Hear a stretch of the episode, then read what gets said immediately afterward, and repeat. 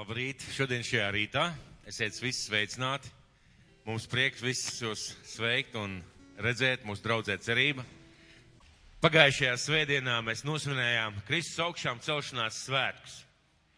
Un kas bija, tie, kas bija tas sveiciens vai tie vārdi, ko mēs visi skaļi runājām? Kas bija tas sveiciens, tie vārdi? Kristus ir augšām cēlies, pareizi? Kristus ir augšām cēlies. Ko tas nozīmē? Kristus ir augšām cēlies. Ko nozīmē šie vārdi? Viņš ir augšām cēlies. Un uh, dabisks ir jautājums, dabisks ir jautājums pēc lieldienām, kā lai mēs tālāk dzīvojam. Ja Kristus ir augšām cēlies, ja viņš ir dzīvs. Mēs dziedājam vienu dziesmu šeit, uh, dzīves mans pestītājs. Ja Jēzus ir dzīvs, kā lai mēs tālāk dzīvojam? Ko lai mēs tālāk darām, kā lai mēs tālāk darbojamies? Ko lai mēs tālāk darām? Kristus ir augšām cēlies. Vai Kristus ir augšām cēlies? Āmen. Viņš ir augšām cēlies. Tas nozīmē, ka viņš ir dzīvs, ka viņš kaut ko dara, ka viņš ir mūsu vidū, ka viņš ir blakus. Un es jūtu aicinājumu šo un nākošās divas svētdienas runāt par notikumiem uzreiz pēc Jēzus augšām celšanās. Jo bieži notiek tā, ka mēs nosvinām augšām celšanās svētkus, un tad mēs pārlecam kaut kur jau uzreiz vasaras svētkiem. Bet uzreiz nebija vasaras svētki, bija kādi notikumi, kādas lietas, ka, un es ticu, ka Dievs mums grib kaut ko caur to pateikt. Un nākošais svētdien, piemēram, mēs runāsim par to, kāpēc Jūdas nodeva Jēzu. Kāpēc Jūdas nodeva Jēzu? Kas bija tas iemesls? Mēs runāsim par šo jautājumu. Un uh, aiznākošais svētdien būs tālāk tāds, tāds dievkalpojums, ja vārds, ko darīt tālāk. Lieldienas nosvinēts, viss ir kārtībā, jēzus ir augšām cēlies, ko man personīgi darīt tālāk. Un šodien mums būs vārds, Dievs ir tik reāls un tik ļoti tuvu. Dievs ir tik reāls un tik ļoti tuvu. Tā arī pierakstiet, Dievs ir tik reāls un tik ļoti tuvu. Vai jūsos kaut kas, kaut ko izraisa šie vārdi? Vai tā tikai skaņa, tikai kaut kāda pateikta zilbas? Dievs ir tik reāls un ļoti tuvu. Vai tu vari pateikt āmen? Dievs ir ļoti reāls un tepat tuvu, blakus. Un mēs visi varam teikt āmen. Un es gribētu sākt ar kādu līdzību. Vai jums visiem, es domāju, ka visiem ir gadījies vēr, vērot negaisu. Visiem ir gadījies vērot negaisu. Un ir uh, brīnišķīgi skatīties uz negaisu caur logu. Tu sēdi savā siltajā istabā vai mašīnā, un tu skaties, kā koki lokās, nezinu, tur smilts iet pa gaisu. Uh, tu skaties, kā lietus tev pilnīgi sitās stiklā un varbūt reizēm pat nevar pabraukt. Uh, tu skaties, kā cilvēki iet ar tādiem uz otru pusi izlocītiem lietu sargiem steidzās noslēpties no lietus. Tu sēdi siltumā, ārā ir negaiss, un viss notiek, un ir vētra, un tu, bet tu esi pats tādā skaistā, brīnišķīgā čaulā, jeb kapsulā. Uh, un, uh, ja jums kāds pajautā pēc tam, pēc kāda laika, vai tu redzēji vakar negaisu, vai šodien?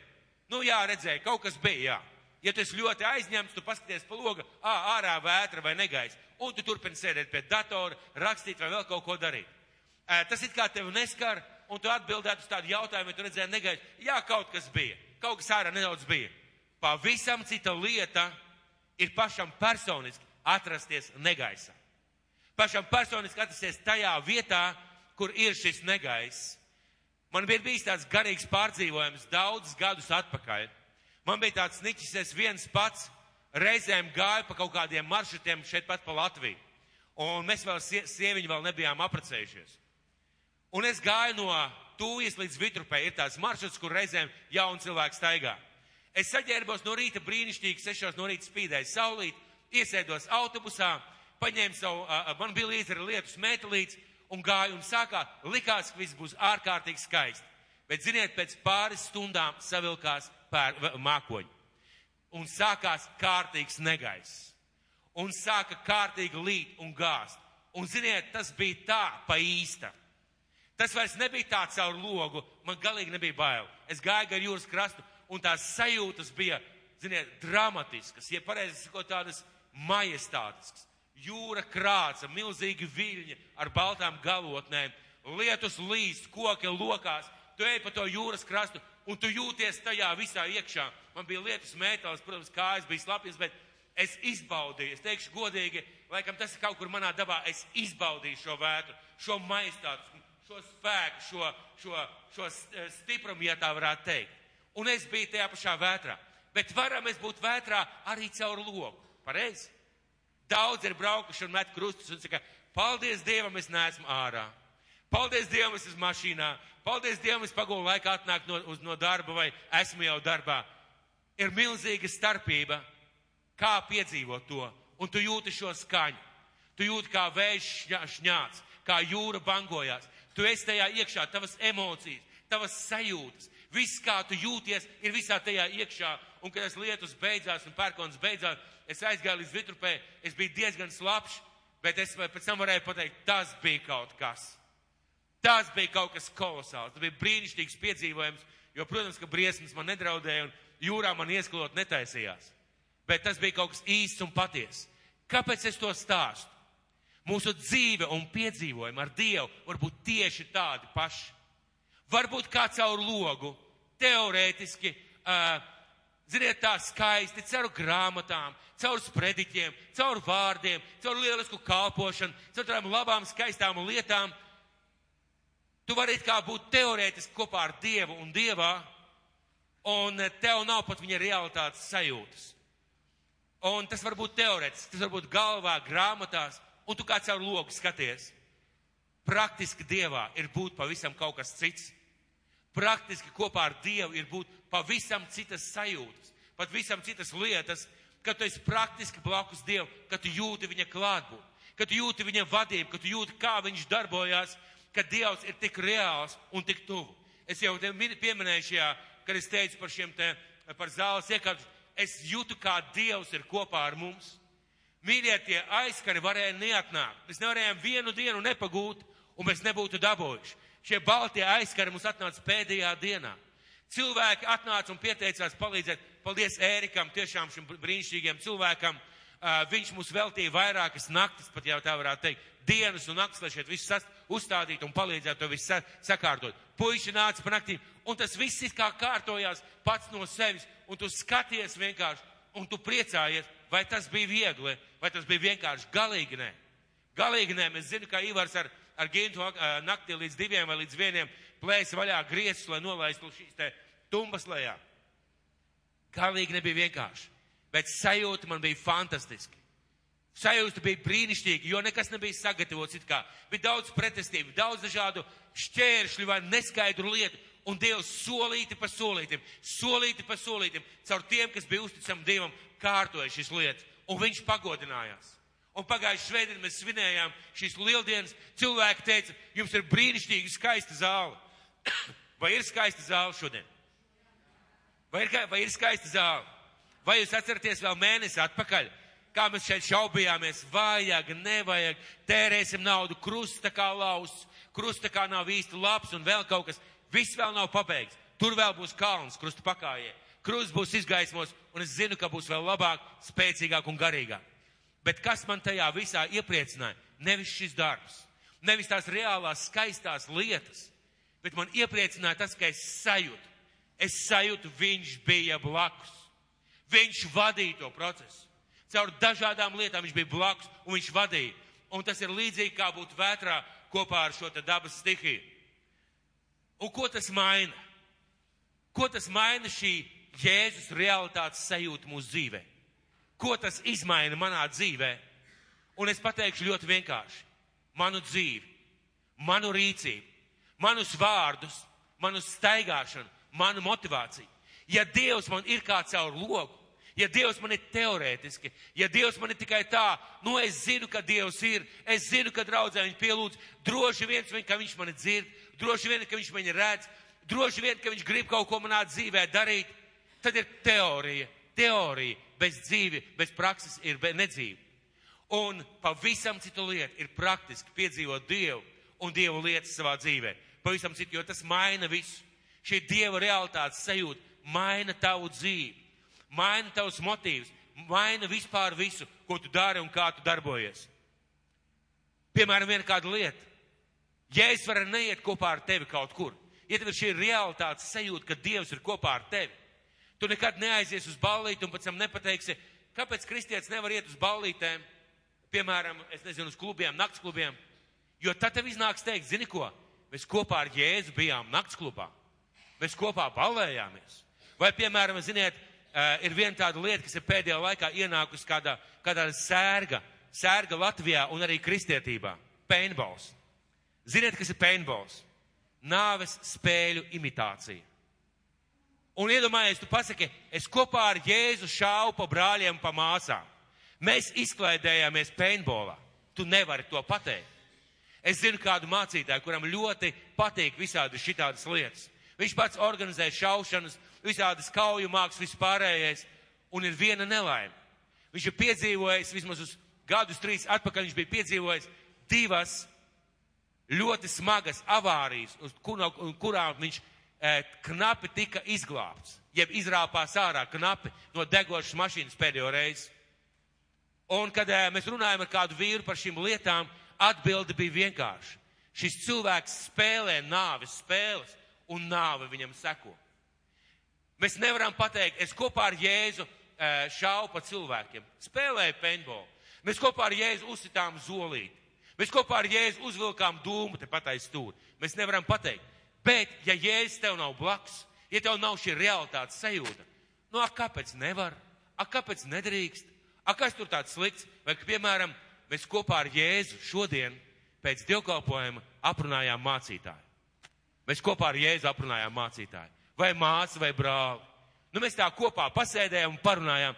Ja tu esi kopā ar Kristu, ja tu jūti blakus viņu sev, tu to nedarīsi. Vienkārši to nedarīsi. Lūk, ko maina šī dieva realitātes sajūta tavā dzīvē. Lūk, kā tas mainās. Bet kas tad maina manu dieva sajūtu? Kas maina manu dieva sajūtu? Personīgs piedzīvojums, satikšanās ar viņu un palikšana tajā.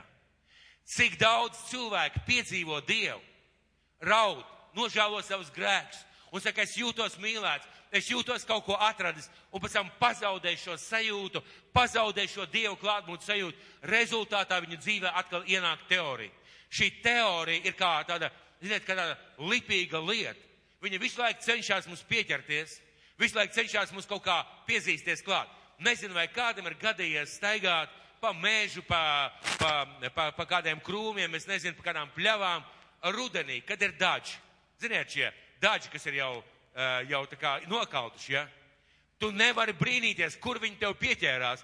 Veselām bumbām pieķerās, un tad tev jādama, jāmēģina dabūt ārā šī te teorija nepārtraukt cenšas mums pieķerties. Šī teorija nepārtraukt cenšas palikt mums, un ir milzīga starpība starp teoriju un praksi. Un Jēzus nekad, dzirdi mani, nekad nav gribējis teorētisku ticību. Nekad viņš nav gribējis teorētisku ticību. Viņš ir gribējis, lai cilvēki zina, ka viņš kopā ar tevi. Pēdējie vārdi. Ejiet un dariet par mācekļiem, un es esmu ar jums līdz pašai pasaules malai, ja beigām. Līdz pašam pasaules galam. Kāpēc Jēzus pateikšu, viņš gribēja, lai tu un es mēs zinām, viņš ir blakus. Jā, viņu nevar redzēt, varbūt viņu nevar sataustīt, bet viņš ir blakus. Jūs zināt, kā mācekļi mainīja pasauli. Mācekļi svētā gara spēkā mainīja pasauli. No 12 vīriem cēlās draudzes, vēl tur dažādas lietas notika. Mēs zinām, ka viņi mainīja pasauli. Un šodien pasaulē ir miljardiem, miljardiem kristīgo draugu. Tāpēc šodien es gribētu parunāt par to, kā mācekļi satikās ar augšām celto Kristu. Un šeit būs divas lietas, ko es gribētu, lai mēs ieraugam paši priekš sevis. Mēs varam šo augšām celto Kristu satikt teorētiski ar vārdiem, viņš ir augšām cēlies. Iesim mājās un turpināsim dzīvot kā pa vecam. Vai viņš ir augšām cēlies un baudīt dzīvi kopā ar Kristu. Un starpība ir milzīga. Kā Jēzus parādījās un kļuva reāls viņiem, un kā tas ir kļuva realitāte uz visu viņu mūžu. Ko tas nozīmē viņiem un ko tas nozīmē mums? Patiesībā vajadzētu tieši to pašu ja viņiem tas nozīmēja reālas, tuvas, īstas, patiesas attiecības un reāla staigāšana ar svēto garu un ar Kristu, mums vajadzētu nozīmēt to pašu. Un teorijai mūsu dzīvē nevajadzētu būt vietas. Un es gribētu lasīt divas vietas. Pirmā būs Jāņa evaņģēlijas 20. nodaļa, 19. un 20. pāns. Un tad mēs pārcelsimies uz Lūkas evaņģēliju 24. nodaļu, 34. un 46. pāns. Tad sāksim Jāņa evaņģēlijas 20. nodaļa, 19. un 20. pāns.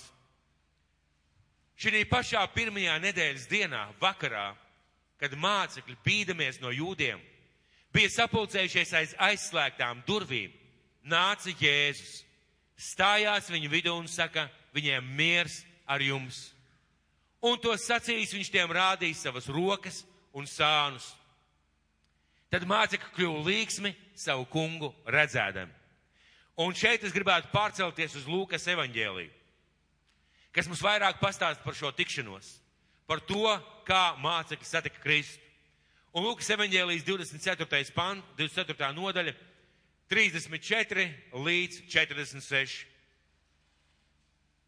Un runā ir par to, kā divi mācekļi atnāk no ceļa uz Emaus, un viņi stāsta, mēs satikām Kristu. Jūs neticēsiet, bet mēs satikām viņu. Viņš mums izskaidroja rakstus, un tad viņš lūdza par maizi, un mēs viņu pazinām.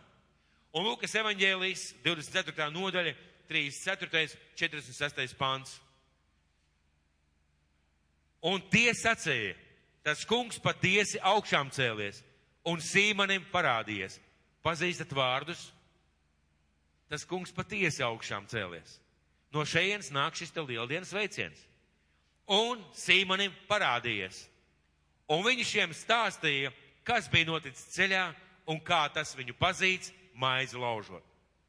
Un kad viņi runāja par šīm lietām, Jēzus pats stājās viņu vidū un viņiem sacīja miers ar jums. Kā tas varēja izskatīties? Viņi sēž pie galda vai uz šiem tepiķiem, kā austrumnieki to dara. Runājās par kaut ko, varbūt lūdz Dievu, spriež par kādām lietām, un šie, šis, šie, šie divi cilvēki atnāks un stāst, mēs viņu redzējām, mēs viņu satikām. Es domāju, tur bija daudz jautājumu. Un pēkšņi ne no kurienes ienāk Kristus. Viņš izgāja cauri sienai aizslēgtām durvīm. Es nezinu, Bībelē saka, viņš pēkšņi parādās. Iedomājieties mācekļu pārsteigumu. Iedomājieties, cik tu būtu pārsteigts, ja tu darbojies savā istabā, es nezinu, ēd pusdienas, un pēkšņi tavā priekšā kāds stāv Es domāju, tu droši vien, kad ar grūtībām norīt, norīt to kumos, ja? Un pirmais jautājums, kā tu šeit gadījies? Un es domāju, ka viņiem tas bija milzīgs pārsteigums, ka Jēzus stāv viņu vidū. Un šie vārdi - miers ar jums, bet tie ļoti izbijās un bailojās, un viņiem šķita, ka garu redzot. Viņi ļoti izbijās un bailojās, viņiem šķita, ka garu redzot. Es domāju, ka iespējams kāds uzlicis sēdus. Es nezinu. Viņi ir acīm redzot pārbijušies, nobijušies, un viņu pirmā doma, kas bija galvā, noteikti gars. Kaut kas teorētisks, kaut kas nereāls. Ja tas ir jēzus, tad vienkārši kaut kāds gars. Vienkārši Dievs kaut kādu eņģeli atsūtīs, kaut ko tādu. Un ko Jēzus dara? Un viņš tiem sacīja, kāpēc esat tā izbijušies un kāpēc šādas šaubas ceļas jūsu sirdī. Redziet, manas rokas un manas kājas. Es pats tas esmu. Viņš sāk viņus pārliecināt. Aptaustiet mani un apskatiet, jo garam nav miesas un kaulu. Kā jūs redzat, man esam. Un to sacījis viņš tiem rādīja savus rokas un kājas. Iedomājies, cik reāls Kristus Mēs zinām, ka Kristus vakar, mūžīgi un šodien ir tas pats pareizi. Amen. Ja viņš parādījās mācekļiem, ja mācekļi varēja viņu aptaustīt, ja mācekļi varēja viņam pieskarties, tas nozīmē, ka, ja Dievs dod žēlastību, mēs arī varam. Bet ko tas vēl nozīmē, ka viņš ir reālāks par reālu? Viņš ir dzīves, viņš ir reālāks par reālu. Ja viņš sūtīs savu svēto garu šajā laikā, viņš nav kopā ar mums tādā fiziskā veidā. Bet ko tas nozīmē? Viņš necēlās augšā kā gars. Viņš necēlās augšā kā kaut kāds teorija, uh, informācija, uh, spēks kaut kāds, kaut kāda gudrība no Dieva. Viņš cēlās reāli, fiziski augšā. un mācekļi aptausta rokas, aptausta sānus, un tomēr viņiem neticās. Protams, protams, ka neticās, jo viņi zināja, viņš nomira. Viņi zināja, Jānis personīgi bija redzējis. Sievietes bija redzējušas, kā viņi ieguldīja kapā. Nereāli. Viņam cilvēciskā pieredze tajā mirklī sadūrās ar reālo faktu, ka viņi redz Kristu. Un arī šodien mums, cilvēkiem, mūsu reālā domāšana grib teikt, jā, Dievs ir, Dievs ir cēlies augšā, Jēzus Kristus ir reāls, bet kur viņš ir? Kā viņš ir? Kā es viņu varu satikt? Nu, varbūt viņš man redz, varbūt neredz, varbūt dzird, varbūt nedzird. Nu, cik viņš ir reāls? Nu, Dievs ir, bet cik viņš ir reāls? Mācekļiem šie jautājumi ir. Un to sacīs, viņš tiem rādīja savus rokas un kājas. Bet, kad tie to aiz prieka vēl neticēja un brīnījās, viņš tiem sacīja, vai jums šeit ir kas ēdams? Un viņi tam pasniedz gabalu ceptas zivs un tīru medu. Viņš ņēma un ēda to viņiem redzot. Absolūti reāls. Absolūti reāls cilvēks. Absolūti reāls Dieva dēls. Lielāka realitāte nav iespējama. Viņa pieskārās, viņa aptaustīja, viņa brīnījās, tad viņš saka, vai jums šeit ir kaut kas ēdams? Sakiet, vai teorija par Dievu kaut ko ēd? Teorija par Dievu kaut ko ēd? Nu, nē, pareizi. Jēzus ēda, viņš bija miesā un viņš cēlās augšā miesā. Viena lieta, par ko mēs runājam, ka mēs celsimies augšā apskaidrotā miesā. Ka mums būs kauli, ka mums būs uh, ķermenis, mēs pazīsim viens otru, bet ne par to šodien iet runa. Viņš ceļās augšā, viņš palūdz šo medu maizi un viņš ēd. Un es domāju, ka mācekļi, ziniet, kā tas notiek? Jums kādreiz kumos kāds ir skaitījis? Ir gadījies, ka kādreiz kāds kumos skaita. Mazi bērni mīl skaitīt, kā vecākā kūku vai konfekts. Mazi bērni mīl, mīl to darīt. Viņiem ir šausmīgi žēl, ka kūka aiziet bojā.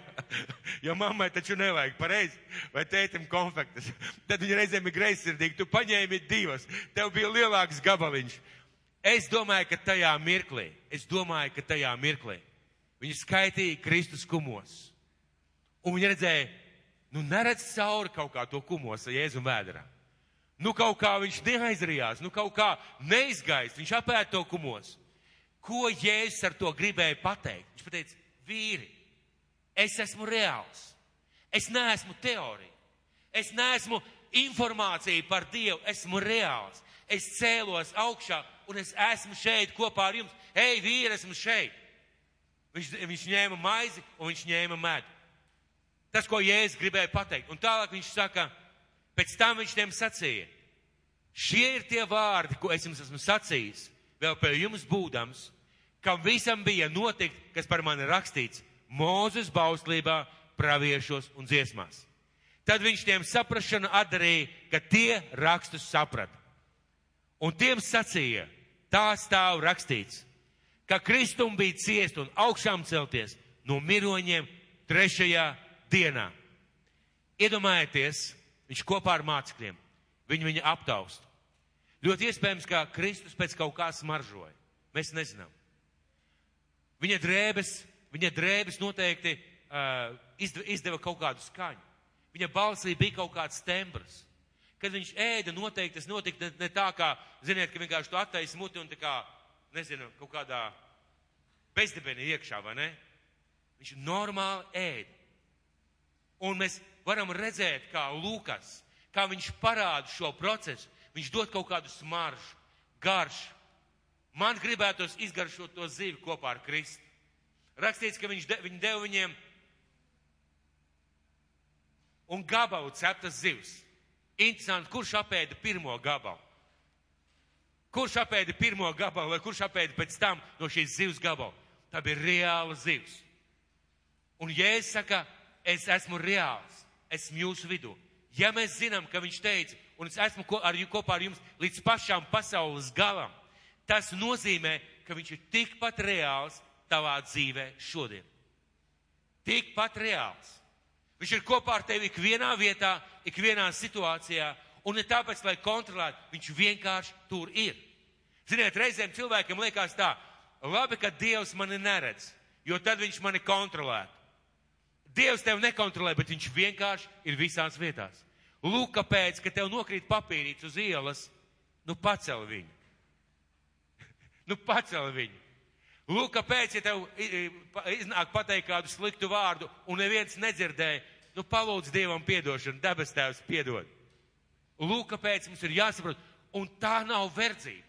Reizēm cilvēki šo Dievu realitātes klātbūtni uzskata kā, kā tādu slogu, tādu nastu, tādu Dieva kontroli no Dieva puses. Nē, tā ir svētība, jo šī realitātes sajūta maina mūsu dzīvi, mūsu rīcību, mūsu uzskatu un mūsu vārdus. Tas maina mūsu dzīvi. Ļoti tuvu un personiski viņi satiekās. Ziniet, aiztaisot acis vai pagriežot muguru, es varu iedomāties, kāda šī pulca izskatās. Es pats viņu pārtaisīju divas nedēļas atpakaļ. Es varu iedomāties, pareizi? Nu, teorija, es atceros. Kas mainījās?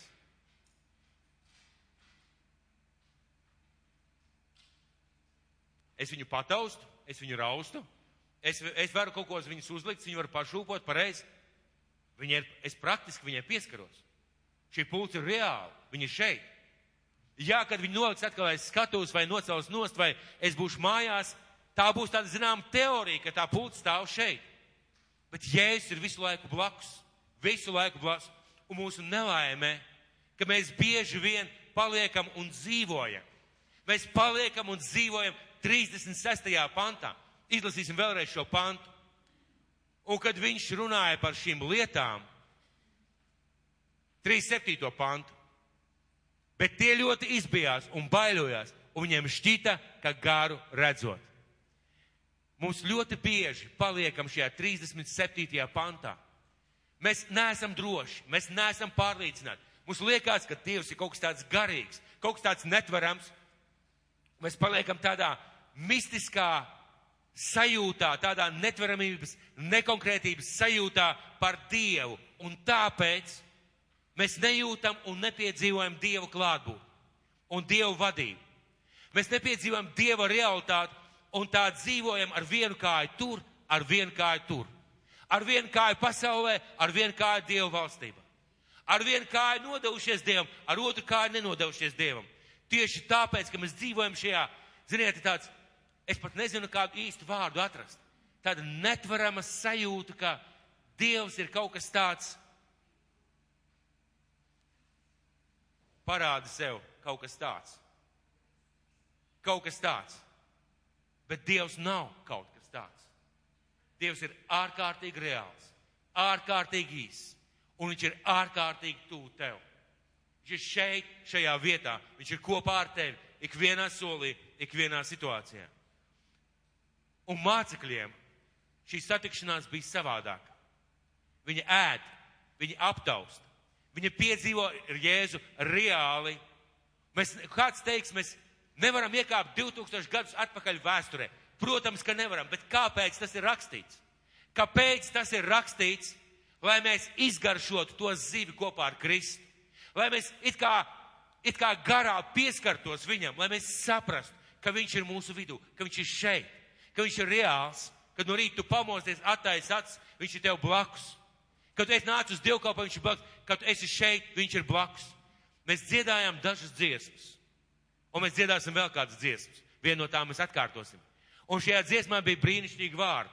Es viņus pat pierakstīju. Šī dziesma saucās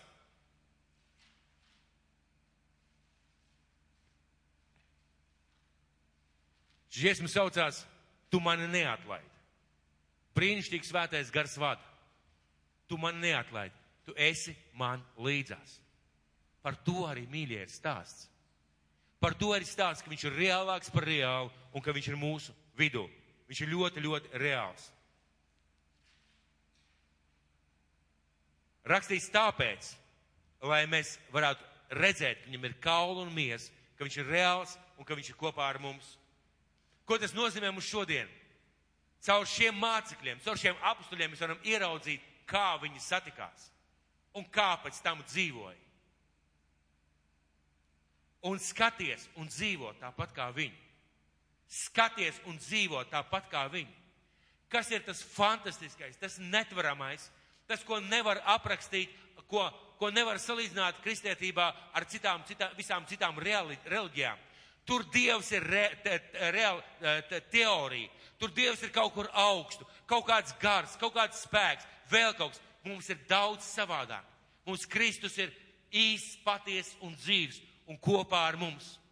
Un evaņģēlijs ir ārkārtīgi vienkāršs. Ārkārtīgi vienkāršs. Viņš ir kopā ar tevi. Viņš mīl tevi. Un viņš veda tevi. Un viņš māca tevi. Ārkārtīgi vienkāršs. Ziniet, kas, kāds pants uz mums attiecās? Pāriesim atpakaļ uz uh, Jāņa evaņģēlī 20. nodaļu. 24. 29. pants. Jo es saprotu, ka šie notikumi notiek sākot no 19. panta līdz 23. Bet tālāk ir runa par kādu mācekli, kas patiesībā simbolizē mūsu. Mēs esam kā šis toms. Tad jāņem evaņģēlijas 20. nodaļa, sākot ar 24. pantu. Bet toms, viens no 12 saukts dvīnis, nebija pie viņiem, kad nāca Jēzus. To arī nebija pareizi. Ir pagājuši 2000 gadi. Tu arī neesi bijis tur blakus viņiem, tu neesi taustījis. Tu neesi ēdis no tās pašas, no tās pašas zivs, no tā paša medus podiņa, kur Jēzus. Ir pagājuši 2000 gadi. Un Toms bija līdzīgā situācijā. Bet Toms viens no tiem 12 saukts dvīnas nebija pie viņiem, kad nāca Jēzus. Tad pārējie mācekļi viņam stāstīja, mēs kungu esam redzējuši. Bet viņš tiem sacīja, Ja es neredzu naglu zīmes viņa rokās, un savu pirkstu nelieku naglu rētās, un savu roku nelieku viņa sānos, es neticēšu. Pēc astoņām dienām mācekļi atkal bija kopā un ir Toms pie viņiem. Kad, kad Toms pateica šos vārdus, vai Jēzus bija blakus? Absolūti, praktiski bija blakus. Tikai Toms tāpat kā mēs. Nu jā, Dievs man palīdz, jā, Dievs ir. Jā, Jēzus mani mīl, bet tas tā teorētiski, jā, es saprotu, ka jūs man stāstat, ka Jēzus augšām cēlās. Es saprotu, ka sievietes redzējušas, ka viņš tur kopā ar jums ēdz. Jā, jā, es saprotu, tas viss izklausās skaisti, brīnišķīgi. Bet, zini, man priekš tā, nu, priekš tā īstā piedzīvojuma vajag, lai es viņu varu aptaustīt. Un paiet astoņas dienas, un durvis bija aizslēgts. 26. pāns. Tad Jēzus nāk un stājas viņu vidū un saka, miers ar jums. Pēc tam viņš tomam saka, stiep šurp savu pirkstu un aplūko manas rokas, un dod šurp savu roku un liec to manos sānos, un es neticīgs, bet ticīgs. Un paskatīsimies atpakaļ 25. pantu. Ja es neredzu naglu zīmes viņu rokās, un savu pirkstu nelieku naglu rētās, savu roku nelieku viņa sānos, es neticēšu. Stiep šurp savu pirkstu un aplūko manas rokas, dod šurp savu roku, liec to manos sānos, neesi neticīgs, bet ticīgs. Un tā nebija, te, tā nebija teorija, ka Jēzus bija blakus. Viņš bija blakus. Viņš dzirdēja katru doma vārdu. Es nezinu, vai Jēzus tajā mirklī smaidīja, vai viņš uh, bija nopietns, mēs to nezinām. Bet viņš bija blakus. Viņš klausījās Tomu vārdus un domāja, nu labi, Tom, pēc astoņām dienām tu mani redzēsi, tu mani piedzīvos. Un patiesībā ir, tas ir tam, kam vajadzētu ienākt mūsu dzīvē. Jā, šis brīnišķīgs stāsts no evaņģēliem, ka viņi satika, viņa ēda, viņa redzēja Jēzu augšām celto, bet nepaliec tur. Ja tu esi kā Toms, un tas ir normāli, Un normāli ir, ka varbūt tavu ticība tev liekas šobrīd kā teorija vai kā skaists stāsts, kuram tu tici un pēc kura pat centies dzīvot. Ej tālāk, ej tālāk, saka Dievs, atklājies man. Es gribu tev praktiski sajust. Es gribu tev praktiski redzēt, un atkal es atgriežos pie zāles dekorēšanas. Es viņu sajūtu. Es viņu sajūtu šeit. Es sajūtu, kā viņš mācīja, es sajūtu, kā viņš teica, es sajūtu, kā viņš paskipināja. Viņš bija šeit. Tā nebija mūsu darbošanās, lai uzlabotu zāli. Tas bija viņa projekts, viņa klātbūt, reāla viņa darbība. Vai bija vienkārši? Es jau teicu, nebija. Bija izaicinājumi, bija kādas grūtības, bet nebija vienkārši, bet, nebija vienkārši, bet viņš bija. Mēs nebijām šajā mirklī, kad viņi apakstoši satikās, bet mēs varam palikt šajā 29. pantā.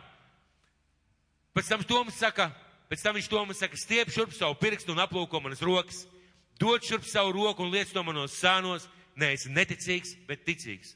Toms atbildēja un sacīja viņam, mans kungs un mans dievs.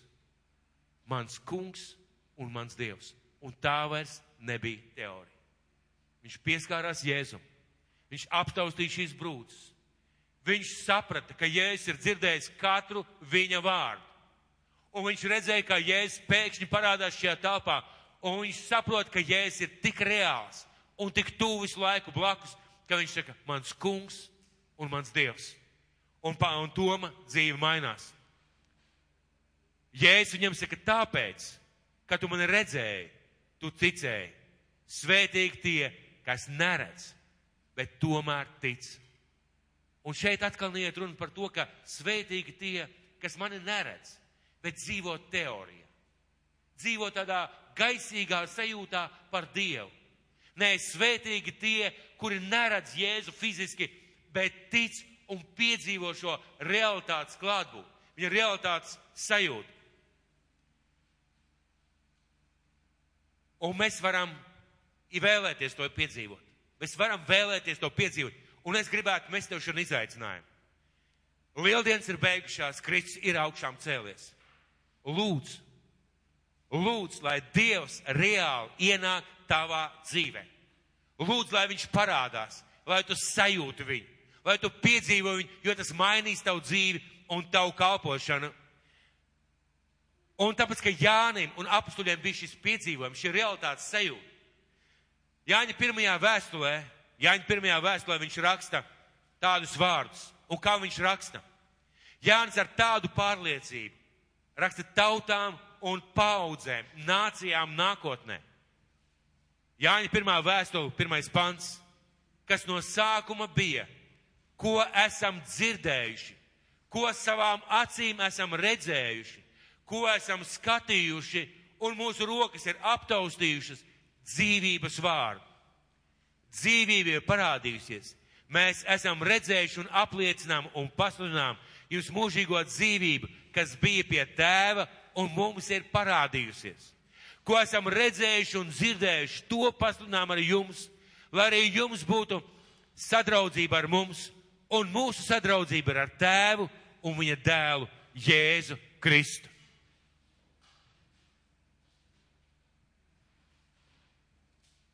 Ja mēs līdz galam, ja mēs līdz galam spētu izdzīvot un gribētu izdzīvot šo Dievu realitāti savā dzīvē, tad mēs satvērtu, piedzīvotu un uh, lūgtu pēc tā.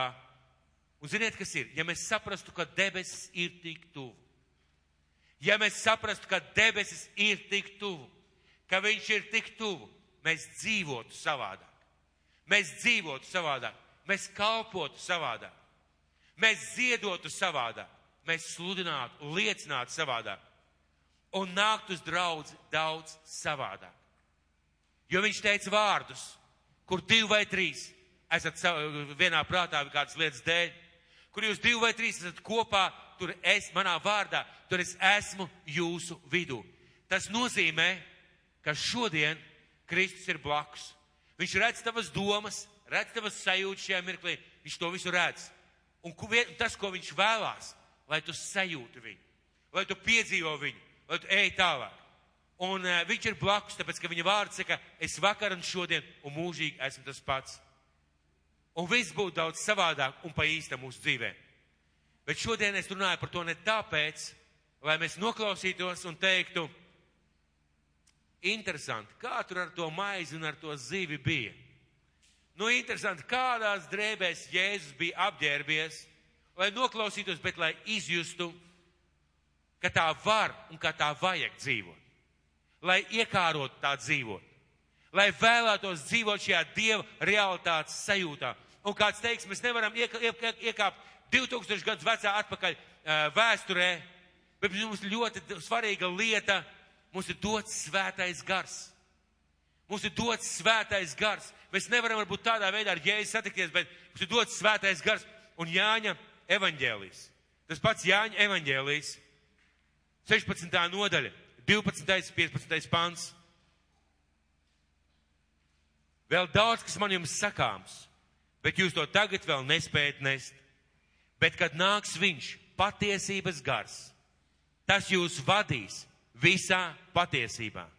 Jo viņš nerunās no sevis paša, bet runās to, ko dzirdēs, un darīs jūs zināmas nākamās lietas.